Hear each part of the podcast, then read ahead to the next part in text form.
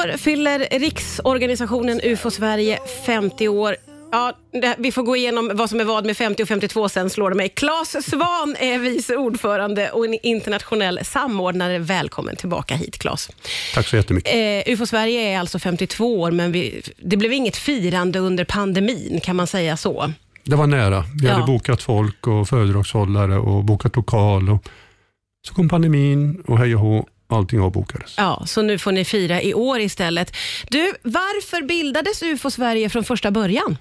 Ja, det var ju 1970 då. Och eh, idén var ju egentligen att samla alla UFO-intresserade som finns då i, i landet i, under en enda organisation. Då. Ja. Och så många privata nyfikna och en del grupper. Mm, mm. Så då eh, tänkte då de som var med från start att det här måste vi ju försöka samordna. Ja, just det.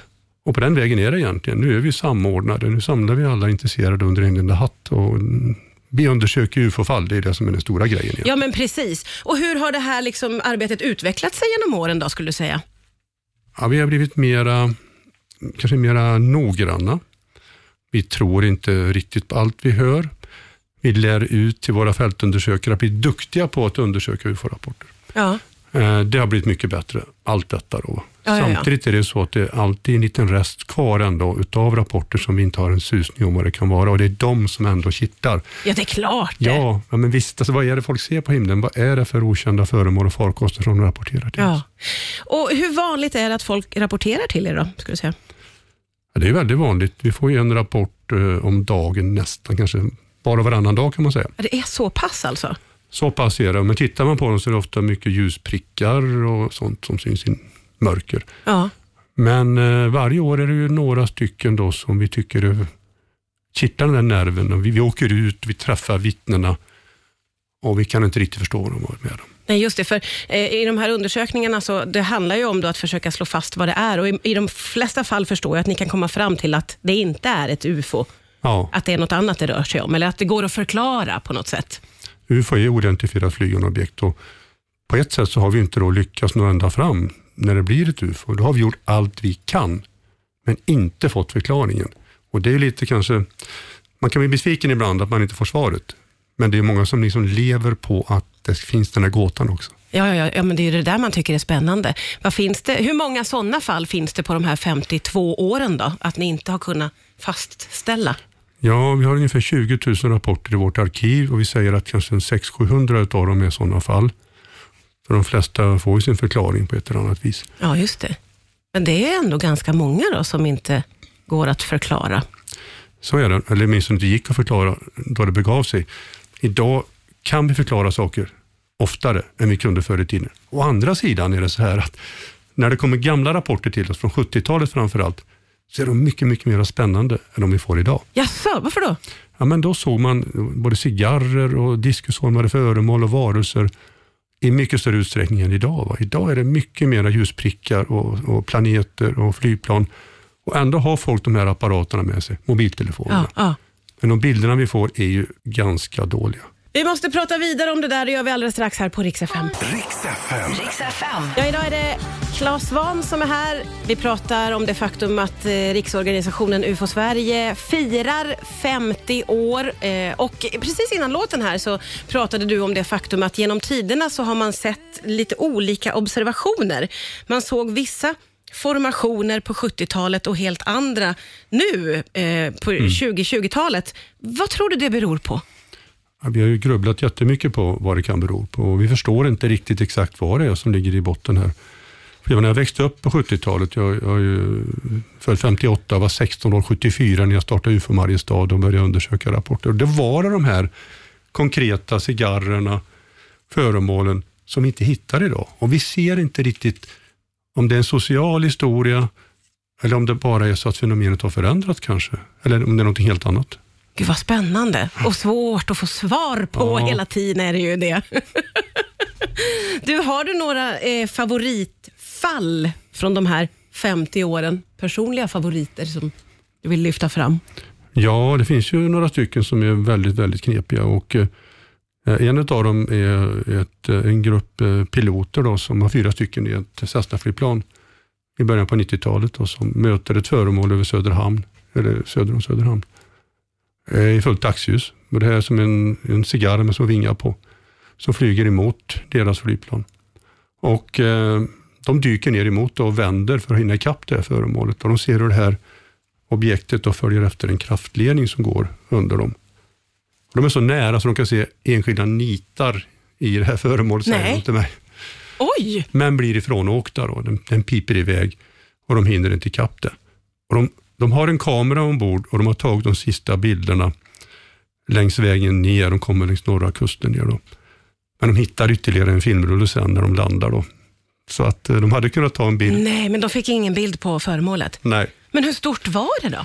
Ja, tre, fyra meter kanske ungefär. Och militären fick in den här rapporten och starvade bort den under en period och eh, lyckas inte undersöka detta ordentligt, tyvärr. Gud vad spännande. Men du, det, finns det fler sådana här observationer runt om på jordklotet? Är det samma slags observationer överallt eller skiljer det sig?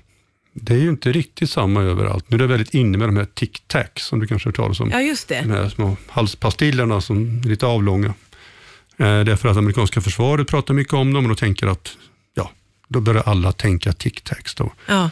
Men det är inte alls så att det är spe- speciellt många sådana där avlånga föremål egentligen. Det har blivit lite, eh, det har gått liksom li, lite, eh, ja, lite fashion i det hela. Va? Att, eh, nu ska alla se de här. Ah, ja, ja, okej. Men tittar du på observationsmängden till UFO Sverige så är det inte alls så, utan du har ju alla möjliga utseenden på detta. Ja, ja. Så att det är svårt att peka på att det är någon speciell trend egentligen.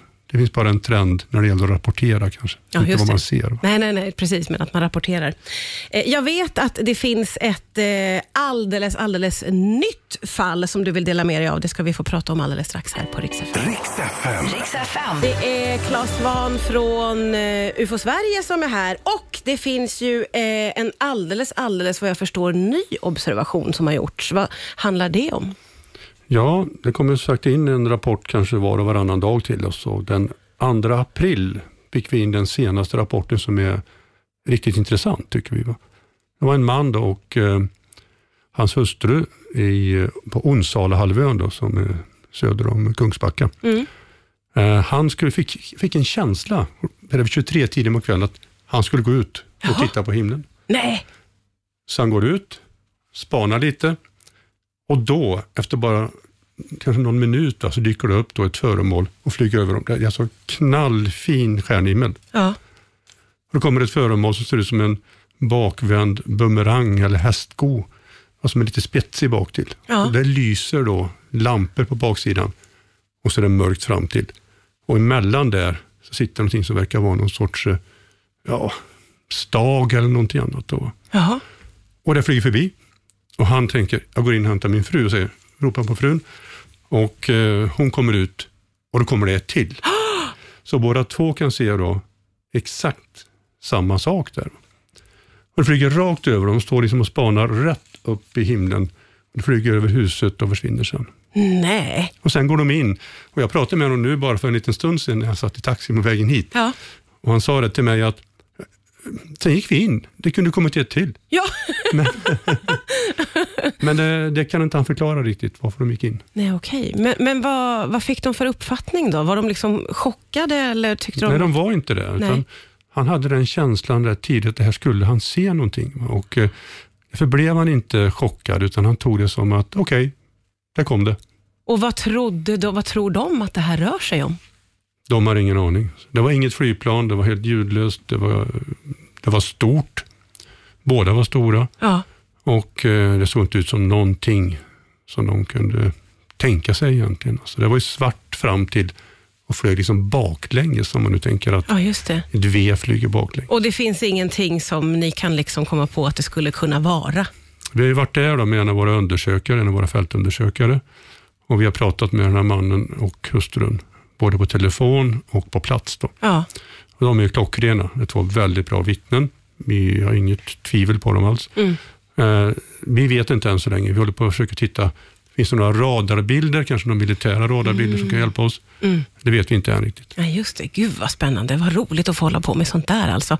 Och nu ska det ju firas då att eh, UFO Sverige har funnits i 50 år. Hur kommer ni att fira? Vi tänker ha en stor utställning i Norrköping, där vårt arkiv ligger. Ja. Den 28 och 29 maj och då eh, är det öppet för allmänheten. Ja. Vad kan man få se där? Ja, prylar, sånt som folk har hittat i samband med observationer, till exempel metallbitar, stenar, eh, många bilder, vi visar filmer Ja, och eh, håller föredrag givetvis. ja, ja. ja. Så det blir en stor utställning då i alla fall på, på Matteusgården i Norrköping och eh, det brukar ju locka hundratals när vi gör de här sakerna. Ja, det är klart. Det är ju så spännande. Herregud, det är omotståndligt. Eh, lycka till med firandet eh, och stort tack för att du kom hit idag. Du får komma tillbaka snart igen, för jag vet att det finns så mycket spännande historier. Det säger vi.